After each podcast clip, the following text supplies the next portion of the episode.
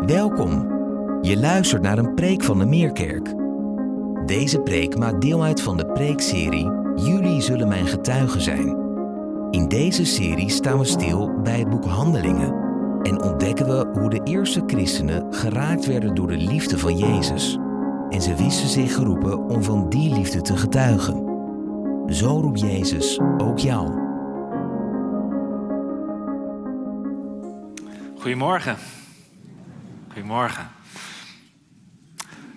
Wanneer je iets wil begrijpen over jezelf, is het altijd goed om je eigen verhaal te kennen, om te weten waar je vandaan komt. En ook als je iets wil begrijpen van deze kerk, hier in de Meerkerk, misschien kom je hier nog niet zo lang, dan is het ook goed om iets te kennen van de geschiedenis van de Meerkerk. Nu zijn we vorige week begonnen met de Bertha-cursus, waar we daar ook bij stilstaan. Maar de geschiedenis van deze gemeente, van deze kerk, gaat niet terug naar 40 jaar geleden. Toen Wigle en Judith de roepstem ervaarden van God om een gemeente te stichten in een huiskamer. Ons verhaal gaat veel verder terug. We lezen het in de Bijbel. En daarom staan we deze komende maanden stil bij het Bijbelboek Handelingen.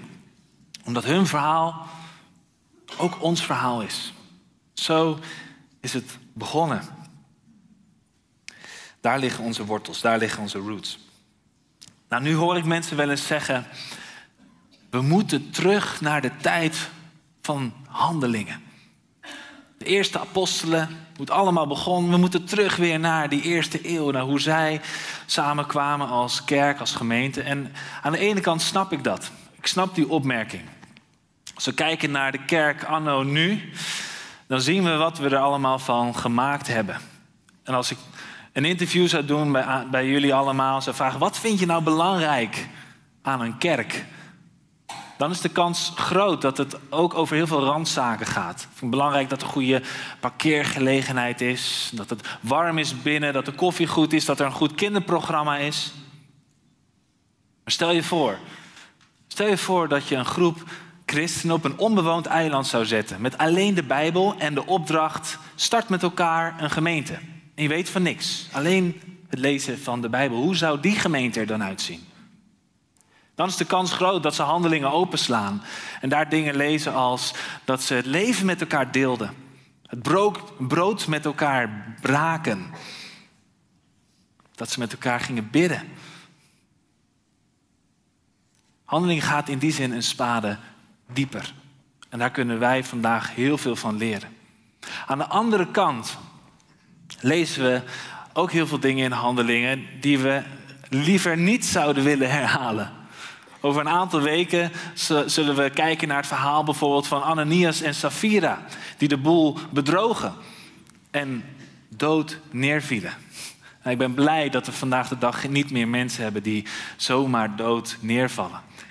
Dus het vraagt wijsheid als we de Bijbel lezen, of het een verhaal betreft en of het dingen beschrijft of dat het dingen voorschrijft.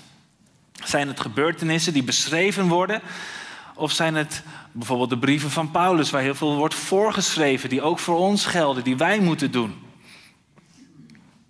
Nou, als we dan naar het verhaal van vandaag kijken, de uitstorting van de Heilige Geest, Pinksteren dan is dat een specifieke, eenmalige gebeurtenis. Maar dat betekent niet dat het geen betekenis heeft voor ons vandaag. Een bekende prediker, A.W. Tozer, die heeft eens gezegd: Ik geloof niet in de herhaling van Pinksteren. Ik geloof wel in de voortzetting van Pinksteren. En daar zit een groot verschil tussen. De Heilige Geest is uitgestort. En daarmee is een nieuwe tijd aangebroken. Een nieuwe realiteit. En die geldt nog steeds voor ons vandaag. Het Bijbelboek heet dan officieel Handelingen van de Apostelen. Maar misschien zou een betere titel voor dit Bijbelboek zijn: Handelingen, daden van de Heilige Geest. Hij is de hoofdrolspeler van dit boek. Hij is degene die aan het werk is. Die mensen vervult met kracht. Dat ze getuigen van wie Jezus is. Begint in Jeruzalem en uiteindelijk tot de uiteinde van de aarde. Als dit niet gebeurd was, als Pinksteren niet gebeurd was, hadden wij hier vanochtend niet gezeten. En dat is goed om te beseffen. Nou, nu lezen we dit verhaal, waar allemaal wonderlijke dingen gebeuren, dat er twee soorten reacties zijn. Ze zijn of verbijsterd, een geheel van een stuk, en ze vragen zich af: wat heeft dit allemaal te betekenen? En een andere groep die zegt: joh, ze zullen wel dronken zijn, die maken het een beetje belachelijk. Nou, ik kan me goed voorstellen dat je dit verhaal belachelijk maakt. Want het is ook vreemd. Maar we willen vanochtend nadenken over die andere vraag. Wat heeft dit te betekenen? Wat heeft dit te betekenen? Nou, voor de beelddenkers onder ons heb ik weer een mooi schema gemaakt. Ik kon het toch niet laten. Uh, we zien namelijk drie wonderlijke gebeurtenissen die van betekenis zijn. Het begint met wind, eh, windvlagen. Vervolgens zien we vlammen, vuurtongen die zich verspreiden. En tenslotte horen we vreemde talen die gesproken worden. En in dit alles zien we ook drie bewegingen. De wind komt van, van buiten naar binnen en die vult het huis. De vuurtongen die komen van boven uit de hemel naar beneden neerdalen. En de vreemde talen die worden ingegeven door de Heilige Geest en die komen naar buiten. De betekenis hiervan is dus dat het gaat over Gods kracht. Gods kracht die binnenkomt. En dit is wat je te wachten staat als je vervuld wordt met de Heilige Geest. Dit is wat ons te wachten staat in de toekomst, waar we steeds meer en meer van zijn kracht ervaren. Het gaat over Gods heilige aanwezigheid, zijn vuur. En dit is wat tot je beschikking staat in het hier en nu. Zijn aanwezigheid. En Gods grote daden, die worden verkondigd in elke taal.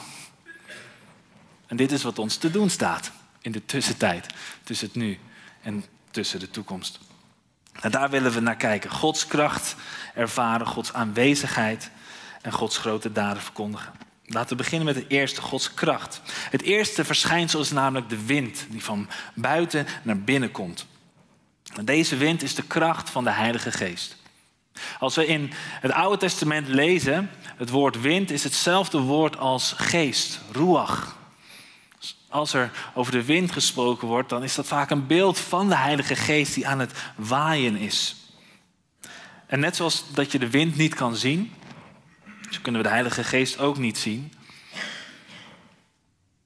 Maar je kunt wel ervaren, je kunt wel observeren als de wind aan het werk is. Je ziet de bomen heen en weer gaan, je ziet de uitwerking van wind, maar je ziet wind niet zelf. Zo zit het ook met de Heilige Geest. We zien de Heilige Geest niet, maar we zien wel zijn uitwerking. We zien wel dat hij aan het werk is. En deze kracht van de Heilige Geest, dit is waar de apostelen op aan het wachten waren. Ze hadden de belofte gekregen van Jezus dat die, de Heilige Geest zou komen. En elke dag kwamen ze bij elkaar aan het wachten, aan het bidden, aan het verwachten tot dit moment. En dit deden ze niet uit beleefdheid. Van, oh, God heeft dit gezegd, dus we moeten wachten op de Heilige Geest. Maar eigenlijk willen we al beginnen om deze kerk te gaan stichten. Nee, ze hadden de Heilige Geest nodig. Bedenk wel dat als we lezen aan het eind van Matthäus, helemaal aan het eind van het evangelie, de Heer Jezus is al opgestaan, dan lezen we dat sommige apostelen nog aan het twijfelen waren. Huh? Nog aan het twijfelen. Je hebt alles gezien, je hebt alles meegemaakt en nog steeds waren ze aan het twijfelen. Of neem Petrus bijvoorbeeld, die een aantal weken geleden voor dit Pinksterfeest Jezus nog had verlogend. Verlogend tegen een klein meisje. Nee, die ken ik niet hoor. Ik hoor niet bij die man. En nu, een aantal weken later, staat hij te preken voor duizenden mensen over Jezus. Wat is er veranderd? Gods kracht is binnengekomen. Dat is er veranderd. Hij kan dit niet uit zichzelf. We hebben de Heilige Geest zo nodig. We hebben hem zo nodig in de kerk, in ons leven, om te getuigen van wie Jezus is. Dat kunnen we niet uit onszelf. Ze wachten niet uit beleefdheid. Het was een noodzaak. En we lezen dat ze bij elkaar kwamen op de dag van het Pinksterfeest. Nou, wij kennen dit feest, Pinksteren, dat, gaat, dat is het feest dat de Heilige Geest neerkomt, neerdaalt uit de hemel. Maar oorspronkelijk was dit Pinksterfeest een Joods feest. Wordt ook wel het Wekenfeest genoemd. En dit was 50 dagen na het Pesachfeest. Het Engelse woord voor, voor uh, Pinkster is Pentecost. En dat komt van het Grieks Pentecoste, is uh, vijftigste. De vijftigste dag na Pesach. En in dit wekenfeest uh, stonden ze stil bij de eerste opbrengst van de oogst. De eerste opbrengst van de oogst. En ze gaven dankoffers aan God. Dank u wel dat de oogst weer is gelukt. De eerste opbrengst. Je kunt alvast proeven, de eerste appels. Oh, dit gaat een goed jaar worden. Dank u wel. Dat was waar het wekenfeest om ging. En ik denk dat het niet toevallig is dat juist op deze dag de Heilige Geest neerdaalt. Want de Heilige Geest is eigenlijk in zekere zin ook de eerste opbrengst van de nieuwe oogst. Paulus spreekt over de Heilige Geest en noemt de Heilige Geest een voorschot. Een voorschot wat alvast betaald wordt. Een voorproefje van wat aanstaande is. Van die nieuwe werkelijkheid die gaat komen als Jezus terugkomt. Maar nu al mogen we er iets van merken, iets van proeven als de Heilige Geest werkt met zijn kracht in ons leven. En dat zien we als mensen tot geloof komen en dat zijn koninkrijk steeds groter wordt over heel de aarde. Dat is het werk van de Heilige Geest. Dat is een voorproefje van wat komen gaat. Het is net als je een huis koopt, dan doe je alvast een aanbetaling. Je betaalt vast 10% of zo. Om daarmee te zeggen, ik ben serieus, ik ga het hele bedrag betalen, het gaat komen. Maar om jou zekerheid te geven, betaal ik nu alvast een deel.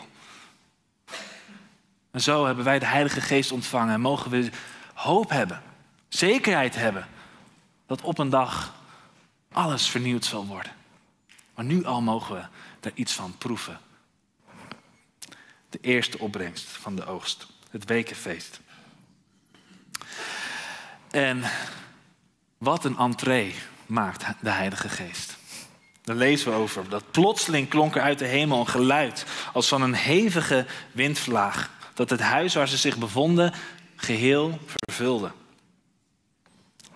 Ze waren aan het wachten. Ze waren, ze waren aan het verwachten. Ze wisten dat dit kwam. En toch overviel het hen. Plotseling was het zover. En deze wind kwam binnenwaaien. Van buiten naar binnen. En ook dat is betekenisvol. Want wat hebben wij het nodig dat God met zijn kracht binnendringt?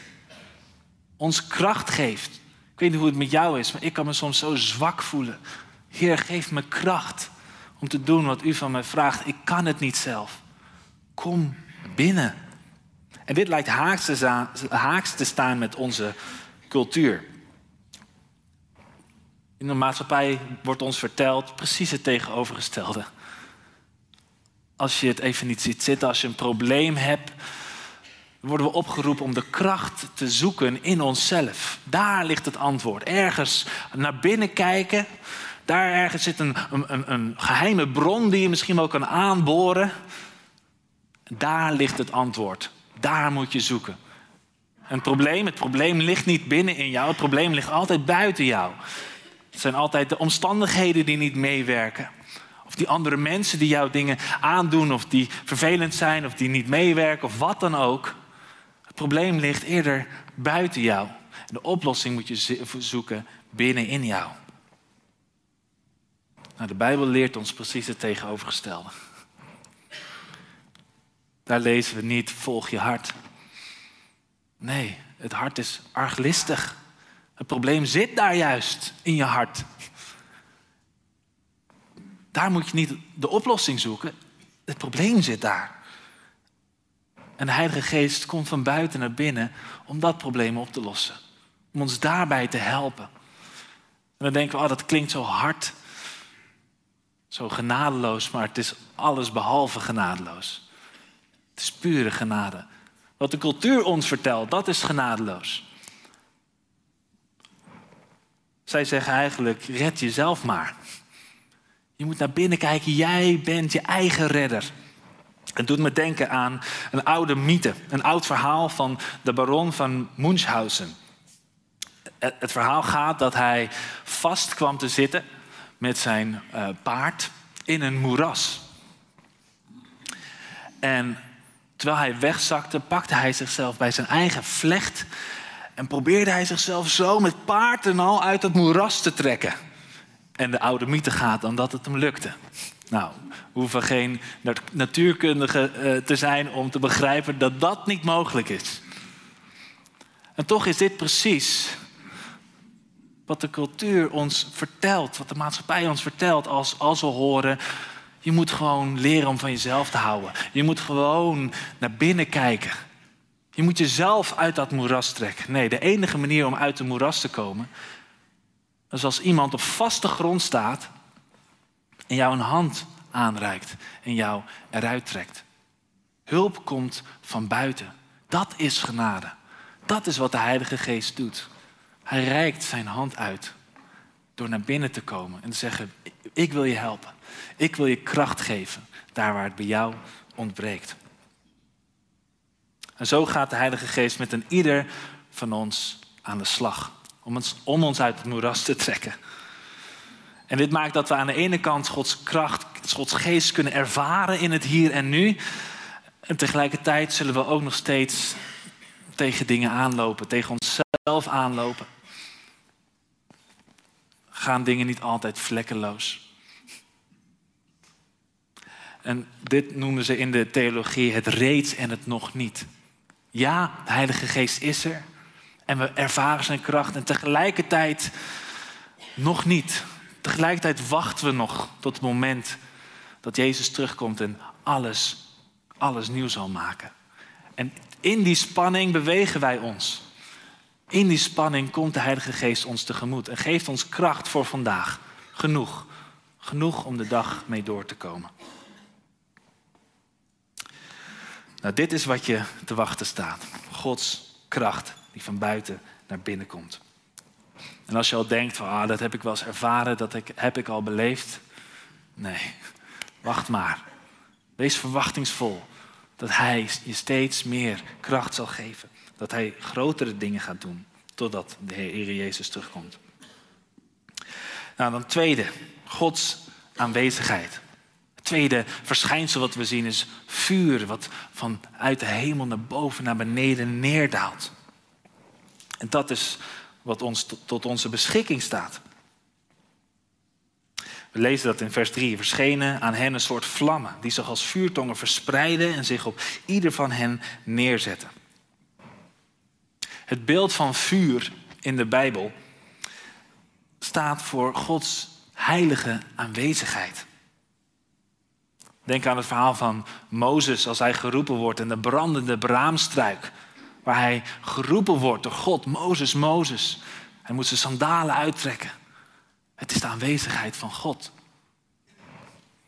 Of iets later in Exodus, waar God neerdaalde als een vuur en rook en wind op de berg Sinaï. Als ze bevrijd zijn uit het, uit het land van Egypte. En dan gaan ze naar die berg om de Heer te aanbidden. En daar daalt God neer in vuur.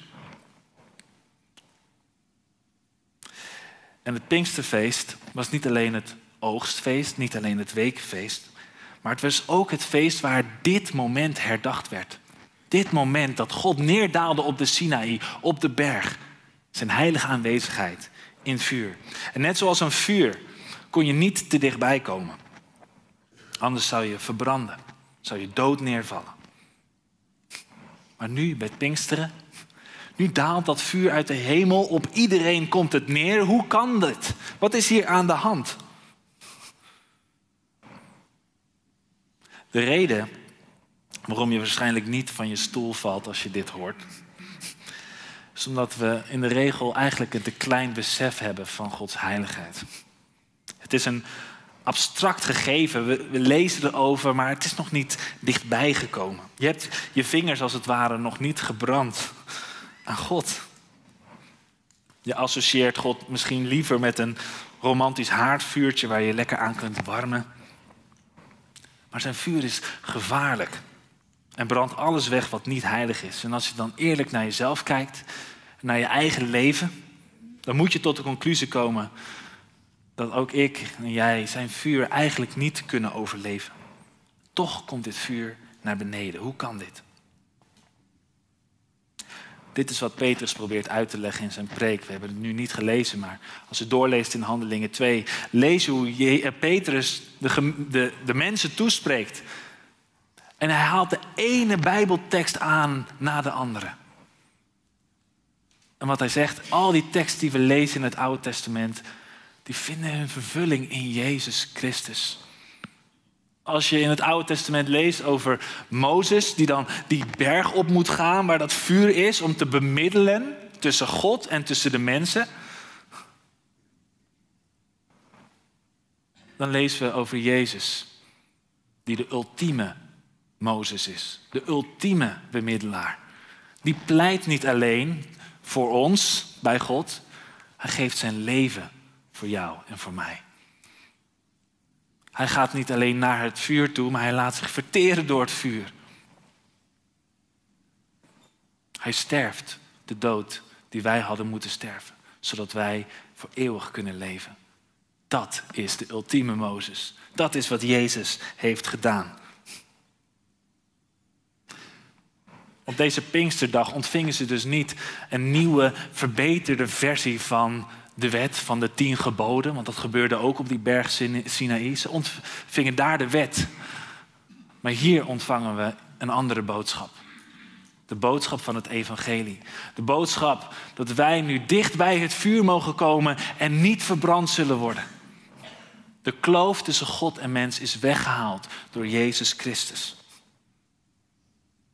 En als je vervuld wordt met de Heilige Geest, dan overtuigt hij je van deze realiteit. Dat gebeurde bij de menigte. Die hoorden dit allemaal aan van Petrus en die, zeiden, die, die waren diep in hun hart geraakt. En zeiden, wat moeten we doen? En wanneer je dit verhaal hoort, als ik dit zo vertel en je neemt het gewoon ter kennisgeving aan, oké, zonde is een probleem, maar Jezus kwam en die is gestorven en nu is dat, is dat weggehaald, dan, dan is het nog te abstract. Dan zit het nog te veel in je hoofd. Wat de Heilige Geest wil doen, is dit abstracte verhaal, deze boodschap, om het echt te maken in je hart. Dat je niet alleen leest en van oké, ja, ik heb, ik heb Gods wetten heb ik, en zijn regels heb ik gebroken. Wat de Heilige Geest doet, die geeft je de overtuiging dat je daarmee zijn hart hebt gebroken. En dan wordt het opeens persoonlijk. En dan kijk je naar Jezus en die hangt daar voor jou, in jouw plaats. Dan proef je opeens iets van zijn liefde. Niet hier, maar hier. Dat is wat de Heilige Geest doet. Hij maakt de liefde van Jezus echt. Hij maakt dat het een realiteit is, dat het binnenkomt.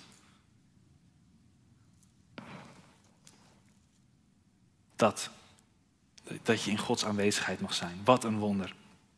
Dat is een van de grootste frustraties van mij om hier te staan en dit te prediken.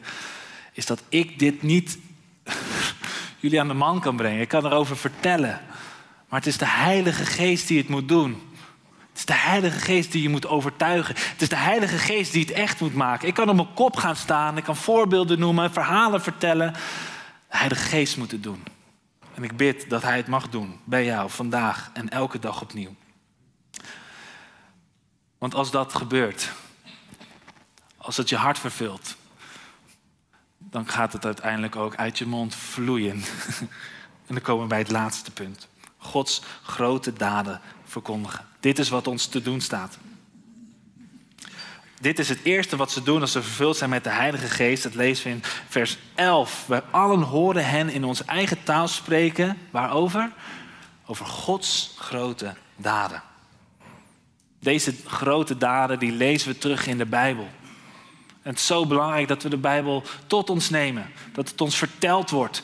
Dat we het lezen. Miela zei dat zo goed. Je moet de Bijbel erkennen. Want dan kan de Heilige Geest jou Bijbelteksten ingeven op de momenten dat het nodig is. Gods grote daden moeten we te horen krijgen. En die moeten ons hart raken. En als je zo vervuld bent van zijn geest, kan het niet anders dan dat je erover gaat praten. Dat je erover gaat getuigen. Dat is wat er met je gebeurt. En dit vinden buitenkerkelijke, buitenkerkelijke mensen die niet christen zijn soms vervelend aan christenen. Die proberen me altijd te overtuigen van hun gelijk en van hun geloof. Sorry, we kunnen niet anders. Nu is het soms zo wel dat christenen het op een ontactische manier kunnen doen. Het is irritant als iemand zijn voet tussen de deur zet of aan het schreeuwen is op straat of wat dan ook. Ja, daar hebben we geen excuus voor. Maar dat we het doen, dat komt omdat de Heilige Geest in ons woont. Het maakt dat wij praten, spreken, getuigen over de grote daden van God. En niet alleen in de Bijbel. Maar ook de grote daden die Hij heeft gedaan en aan het doen is in je eigen leven. Daarom is het zo belangrijk om getuigenissen te laten zien en te horen. Om elkaar te bemoedigen. Kijk eens wat God doet in ons midden. En het tweede wat opvalt, wat van betekenis is, is dat deze grote daden van God in allerlei vreemde talen werden verkondigd. Er werden er 15 opgezomd door Lucas. En als je dan naar de kaart zou kijken, zijn dat allemaal omringende landen rondom Israël. En dat is ook begrijpelijk, want het was Pinksterfeest. Veel Joden kwamen naar Jeruzalem om het Pinksterfeest te vieren. Maar wat zo bijzonder is, is dat de eerste keer wanneer dit evangelie van Jezus gepredikt wordt, dat het gedaan wordt in alle talen tegelijk. Dat is zo bijzonder. Want het onderstreept dat het evangelie niet gebonden is aan één taal of aan één cultuur. Je hoeft niet Hebreeuws te kennen of Grieks te kennen om het woord van God tot je te nemen. Nee, het woord van God komt naar jou toe. Het wordt vertaald, vertaald. Het wordt gesproken in jouw moedertaal. Zo komt het naar jou toe. Zo mooi om Miele dan die Psalm 23 te horen lezen in haar eigen moedertaal. God spreekt jouw moedertaal. En het is dan ook niet de bedoeling dat je als christen je identiteit, je culturele identiteit opgeeft. Dat als je ja, je Europese, je Chinese, je Afrikaanse identiteit af moet leggen en in moet ruilen voor een specifieke christelijke cultuur met specifieke gebruiken die daaraan verbonden zijn. Misschien is dat beeld wel wat we hebben. toen de Europese zendelingen naar Afrika, Afrika, gingen, was het en om hen te bekeren, maar ook om hen onder te dompelen in de westerse, westerse beschaving. Maar dit is niet wat we hier lezen in dit verhaal. Je hoeft niet een, een, als Afrikaan een Europeaan te worden om, om christen te worden. Als je je bekeert, dan ben je een Afrikaanse christen. Je blijft wie je bent. God eert de verschillende culturen, de diversiteit. Hij ontneemt niet jouw individualiteit om je vervolgens als een druppel in een grote, onherkenbare oceaan te gooien waar, waar alle druppels op elkaar lijken. Nee. En aan de andere kant, aan de andere kant komt hij wel binnen in je leven om je te veranderen. Maar hij verandert iedereen op een andere manier. Want tegelijkertijd wordt elke cultuur op een bepaalde manier vernieuwd en aangesproken door de Bijbel. Maar allemaal op verschillende punten. Als je bijvoorbeeld kijkt naar het Midden-Oosten, daar heerst een, een eercultuur. Wat de Bijbel daar leert over vergeving en genade is heel lastig om te omarmen. Dat, dat druist in tegen je natuur. Terwijl wij in het Westen vinden dat prachtig, genade, vergeving, oeh. Maar wat de Bijbel leert over seksualiteit, dat vinden wij dan weer lastig. En dat vinden ze in het Midden-Oosten dan weer vanzelfsprekend. En zo is er in iedere cultuur wel iets waar de Bijbel aansluit en waar de Bijbel een spiegel voor houdt en ons confronteert. En dat onderstreept alleen maar dat het evangelie niet van deze wereld is, maar van God komt. Het sluit aan bij elke cultuur. Het ontneemt je niet van je identiteit. En tegelijkertijd word je vernieuwd en word je nieuw gemaakt. Een wonderlijke combinatie van eenheid en diversiteit.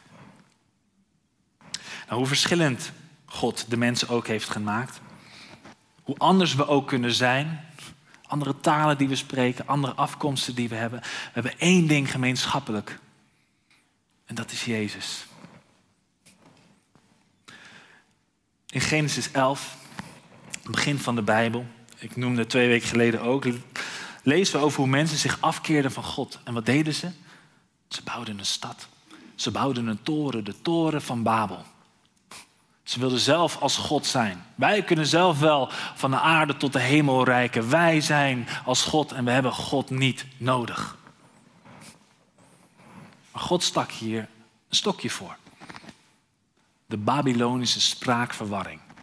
Ze begonnen allemaal in andere talen te spreken. Ze konden niet meer samenwerken. Er kwam conflict, er kwam tweestrijd en ze gingen uit elkaar en de toren werd niet afgebouwd. En daar zien we vandaag de dag nog steeds het effect van.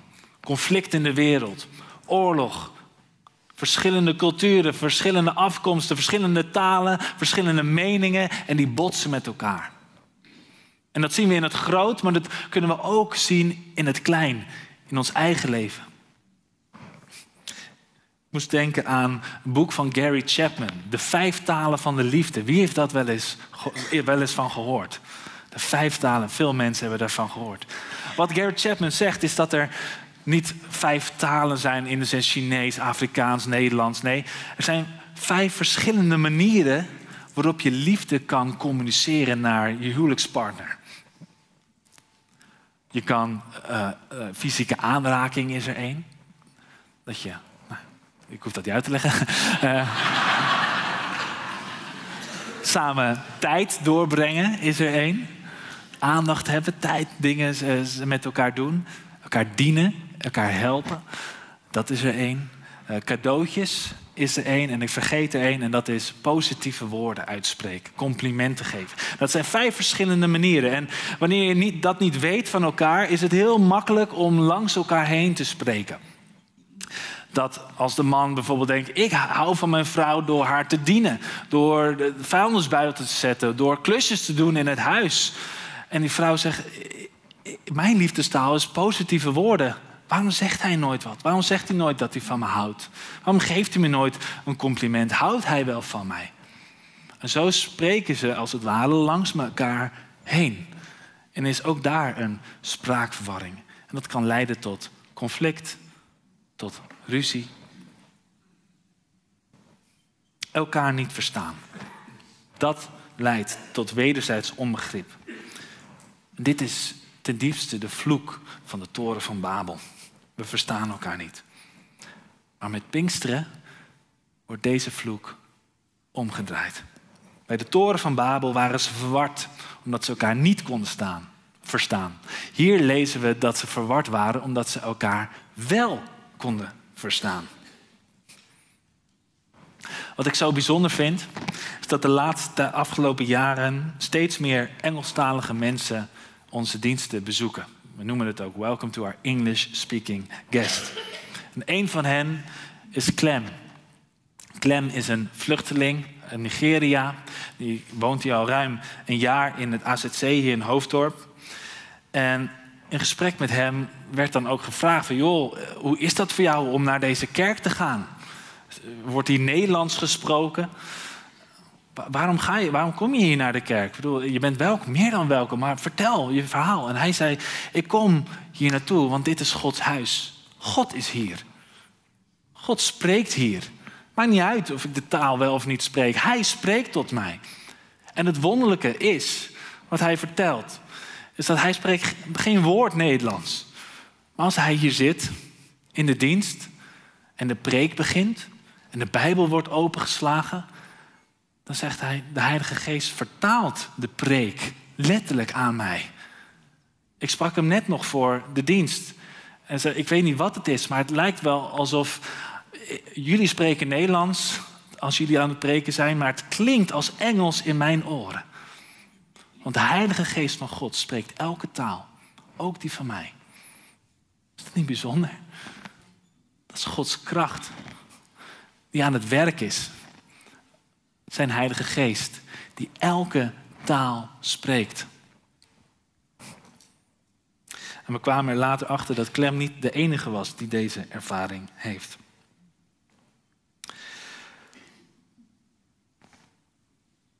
We hebben één ding gemeen. Dat is Jezus Christus. Zijn evangelie. God spreekt alle liefdestalen. Wanneer je iemand tegenkomt die niet jouw taal spreekt, maar wel de Heilige Geest heeft, dan weet je, oh jij, jij weet het ook. Jij hebt dit ook. God heeft ook in jouw liefdestaal tot jou gesproken. Ik wil graag de band vragen om naar voren te komen. Gods geest wil dichtbij komen om ook jouw liefdestaal te spreken. Hij spreekt positieve woorden als je dat nodig hebt door zijn woord. Hij wil je aanraken door zijn geest. Hij wil jou dienen. Hij wil je elke dag verzorgen. En je alles geven wat je nodig hebt. Hij wil zo graag tijd met jou doorbrengen. Als je stil wordt in gebed. En hij wil jou cadeaus geven. Nee, hij heeft jou al een cadeau gegeven. Het allergrootste cadeau wat de mens kan wensen. Namelijk zichzelf. Hij heeft zijn leven voor jou gegeven. Zodat jij voor eeuwig bij hem kan zijn. Hij heeft zijn geest aan jou gegeven. Zodat die liefde realiteit wordt in jouw hart. Ik wil een moment nemen om te zingen. Is een bekende oude hymne. Spirit of the living God. Fall afresh on me. Ik zou het zo mooi vinden om dat lied met elkaar op dit moment als gebed te zingen. Eerst in het Nederlands. Heilige Geest van God, vul mijn hart opnieuw. En daarna in het Engels. Zullen we gaan staan. Dan zullen we dat lied met elkaar zingen.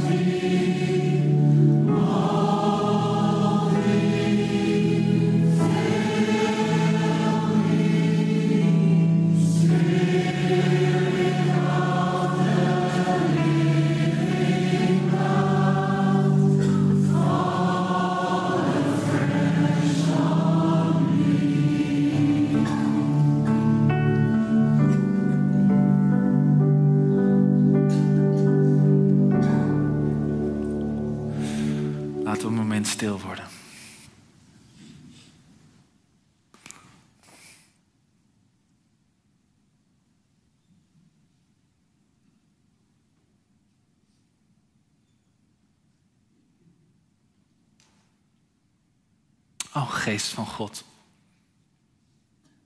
Geest van God, wij in dit huis. Kom binnen. We hebben uw kracht zo nodig in ons leven, in onze gemeente. Heer, we wachten niet uit beleefdheid. We wachten uit noodzakelijkheid.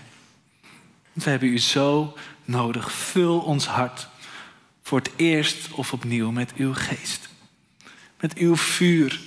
Met uw aanwezigheid. Uw heilige aanwezigheid. Waar we het niet waard zijn om in uw, aanwezigheid te komen, maar door uw Zoon Jezus Christus mogen we dichtbij komen. Ja, komt u in ons. En kunnen we niet anders dan spreken over uw grote daden. Wat u heeft gedaan voor ons. En u doet dat in elke taal. Dank u wel dat u ook onze taal spreekt. Onze moedertaal, de taal die wij verstaan.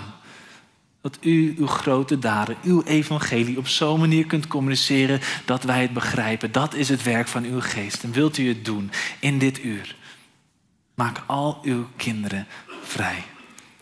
We hebben uw geest zo nodig. Vul ons hart opnieuw. In Jezus' naam. Amen.